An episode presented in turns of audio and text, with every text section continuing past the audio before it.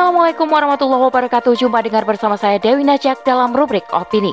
Kali ini dengan judul Menyoal KTT AS ASEAN 2022 Antara dua wajah dan pragmatisme politik. Oleh Iranti Mantasari BAIRMSI Tak hanya pragmatis Namun ASEAN berhasil memasang dua wajah yang berbeda Saat berhubungan dengan dua aktor Yang dominan saling berkompetisi Bukan berkooperasi Selengkapnya, tetap di podcast Narasi Pos Media. Narasi Pos, cerdas dalam literasi media, bijak menangkap peristiwa kunci.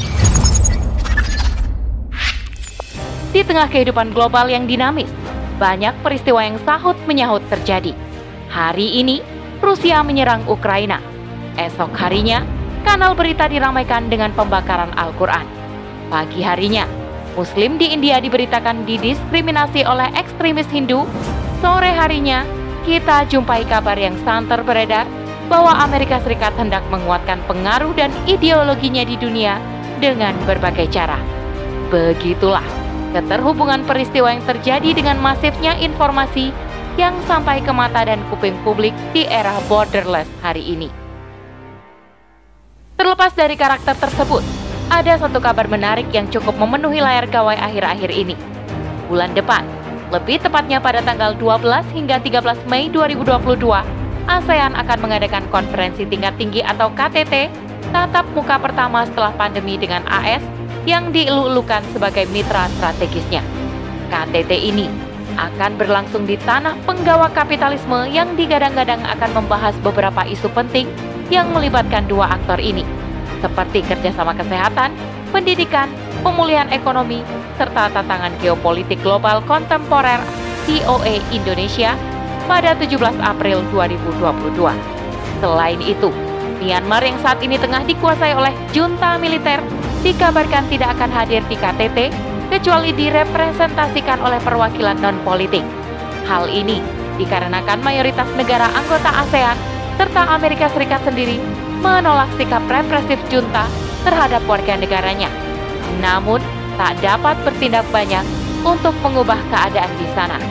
Dari dinamika yang terjadi di Asia Tenggara saja, sebetulnya sudah ada beberapa poin yang dapat dikritisi dari penyelenggaraan KTT ini. Lantas, bagaimanakah umat seharusnya memandang hal ini?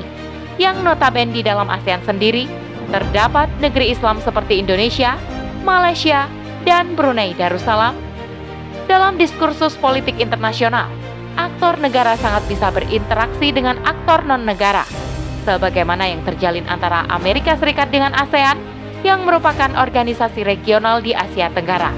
Relasi antara Amerika Serikat dengan ASEAN sebetulnya bukanlah barang baru, tertulis di laman resmi pemerintah Paman Sam.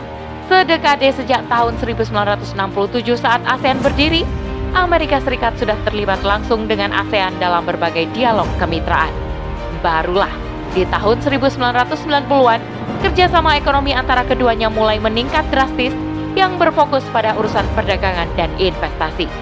Namun, sebagaimana prinsip no free lunch dalam siasat politik kapitalis hari ini, kemitraan yang diberikan oleh ASEAN kepada Amerika Serikat bukanlah hadiah yang gratis, tapi akan dituntut balas budi oleh Amerika Serikat.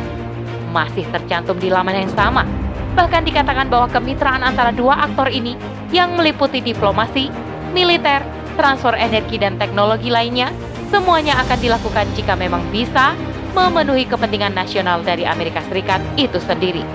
Tapi, jika memerhatikan beberapa problematik yang terjadi di kawasan Asia Tenggara, seperti di Myanmar dan kasus genosida Muslim Rohingya beberapa tahun lalu, hubungan erat yang dijalin ASEAN dan Amerika Serikat tak lantas membuat Amerika Serikat langsung turun tangan mengadili rezim Myanmar kala itu. Dengan dalih prinsip non-interference atau setiap negara anggotanya fokus menyelesaikan masalah domestiknya dengan kapasitas sendiri. Nasib Muslim Rohingya yang terlunta-lunta akibat kejahatan yang dilakukan rezim tak mendapat perhatian serius. Padahal, apa yang menimpa Muslim Rohingya itu sudah memenuhi kriteria genosida dan sangat melanggar HAM suatu hal yang konon sangat diusung dan diperjuangkan oleh Amerika Serikat serta Barat secara umum, namun seringnya hipokrit saat itu berkaitan dengan umat Islam. Kawasan Asia Tenggara yang merupakan bagian dari wilayah geografis Indo-Pasifik memang sering menjadi incaran negara-negara besar. Posisinya yang berada di sekitar Samudra Hindia dan Samudra Pasifik tentu menyimpan nilai strategis, bukan hanya dari segi perdagangan internasional, tapi juga pertahanan hingga militer. Inilah alasan besar mengapa Amerika Serikat juga berusaha aktif membangun kerjasama dan kemitraan dengan negara-negara di Asia Tenggara. Tak hanya itu, eksistensi pesaing potensial Amerika Serikat yang lebih dekat dengan negara anggota ASEAN, yakni Cina, juga menjadi alasan yang logis bagi Amerika Serikat untuk melebarkan sayap hegemoninya yang dirasa mulai dirongrong oleh kekuatan dari timur ini. ASEAN dalam hal ini lebih berperan sebagai objek hegemoni dalam perebutan pengaruh antara Amerika Serikat dengan Cina. Hal ini juga membuat ASEAN terbuka, tidak hanya kepada Amerika Serikat, namun juga kepada Cina. Baik Cina maupun Amerika Serikat sama-sama memiliki skema kerjasama khusus di antara keduanya dengan Amerika Serikat. Misalnya, CAFTA atau China ASEAN Free Trade Area yang merupakan skema pasar bebas antara Cina dengan negara-negara ASEAN dan TIFA atau Trade and Investment Framework Arrangement yang merupakan rencana kerangka perdagangan dan investasi yang ditandatangani oleh perwakilan Amerika Serikat dan ASEAN. Sikap ini menggambarkan pragmatisme ASEAN, termasuk di dalamnya adalah negeri Islam seperti Indonesia, Malaysia, dan Brunei Darussalam ketika berhadapan dengan kekuatan asing. Tidak peduli berkawan dengan siapa, selama relasi yang terbangun dirasa membawa manfaat, maka hal itu bukanlah suatu masalah, meski dalam banyak hal, terutama yang berkaitan dengan urusan Islam dan kaum muslim. Amerika Serikat dan Cina sekalipun memiliki track record yang buruk. Tak hanya pragmatis, namun ASEAN berhasil memasang dua wajah yang berbeda saat berhubungan dengan dua aktor yang dominan saling berkompetisi, bukan berkooperasi. Kondisi kerjasama sebagaimana yang terjalin antara ASEAN, Amerika Serikat, Cina, dan aktor-aktor politik lainnya adalah hal yang lumrah menurut perspektif sekuler yang mengedepankan nasionalisme.